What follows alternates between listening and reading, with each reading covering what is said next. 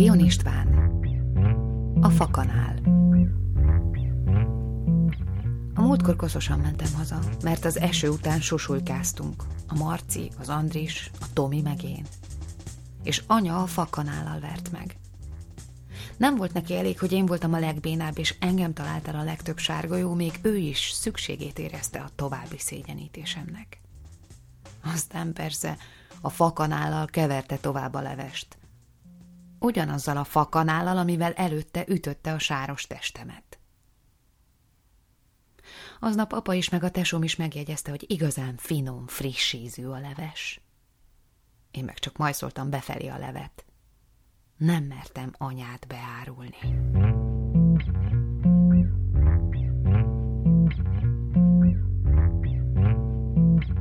TV Maci meghalt. Én már nem lehettem úttörő, és nem tanultam oroszul.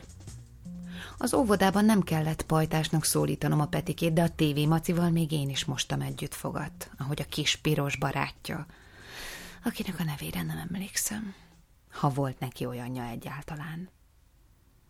Én már Kennel játszottam. Az asztal alatt dugásra kényszerítettem Barbival, és úgy tanultam németül, hogy utáltam a németet. Közben meg oroszul is tanultam számolni a nővéremtől, aki még volt úttörő. És én mindkettőt irigyeltem tőle. Aztán szegény tévémaci meghalt. A barátjával nem tudom, mi lett, mert akkor ő is eltűnt a képernyőről. Közben megszerettem a németet, de most már nehéz tanulni ezt is. Oroszul még el tudok számolni tízig. A gimnáziumban meg már cserkész akartam lenni, de nem lettem. És szerintem a pajtás elég ciki megszólítás. Én mindenkit a nevén hívok.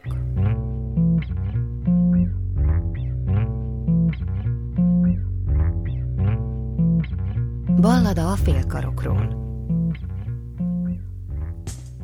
Mikor megérkezett a benzinkútra, hegykén fütyült a délutáni szél. A testében táncolt a kámaszútra. Egyszerre volt hajlékony ón s acél. A csípőjén egy vékony csík futott át, s lábán ékszernek tűnt a kis topán. Ha bárki kapna tőle egy puszit, hát levágna érte félkarját lazán. Hogy éppen erre járt, talán véletlen, s talán a véletlen nem létezik. Az arcomat kezembe eltemettem, hogy hát, ha többen is majd ezt teszik. De nem. Tovább figyeltek, és szemükben már szaftos pornófilm volt műsoron, fejük felett vibrált vágytól hevülten a cím, levágnám érte fél karom. Szoláriumból jött nőstény oroszlán, s mintha nem is lett volna rajta top. Irigy szemekkel nézték, és mogorván férjük mellől az éhes asszonyok. Anyós ülésből átokszál, keresztre, s legyen belőle hízó nagy barom.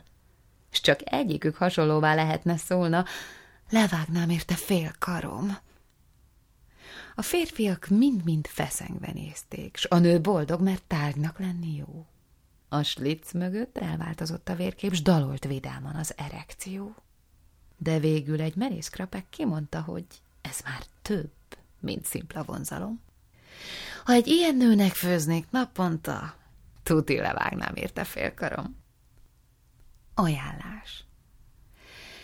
Királyfik, kik ott álltatok-e percben, ne legyen karjaitokból halom, és ne beszéljetek feltételesben, mert én levágtam érte félkarom.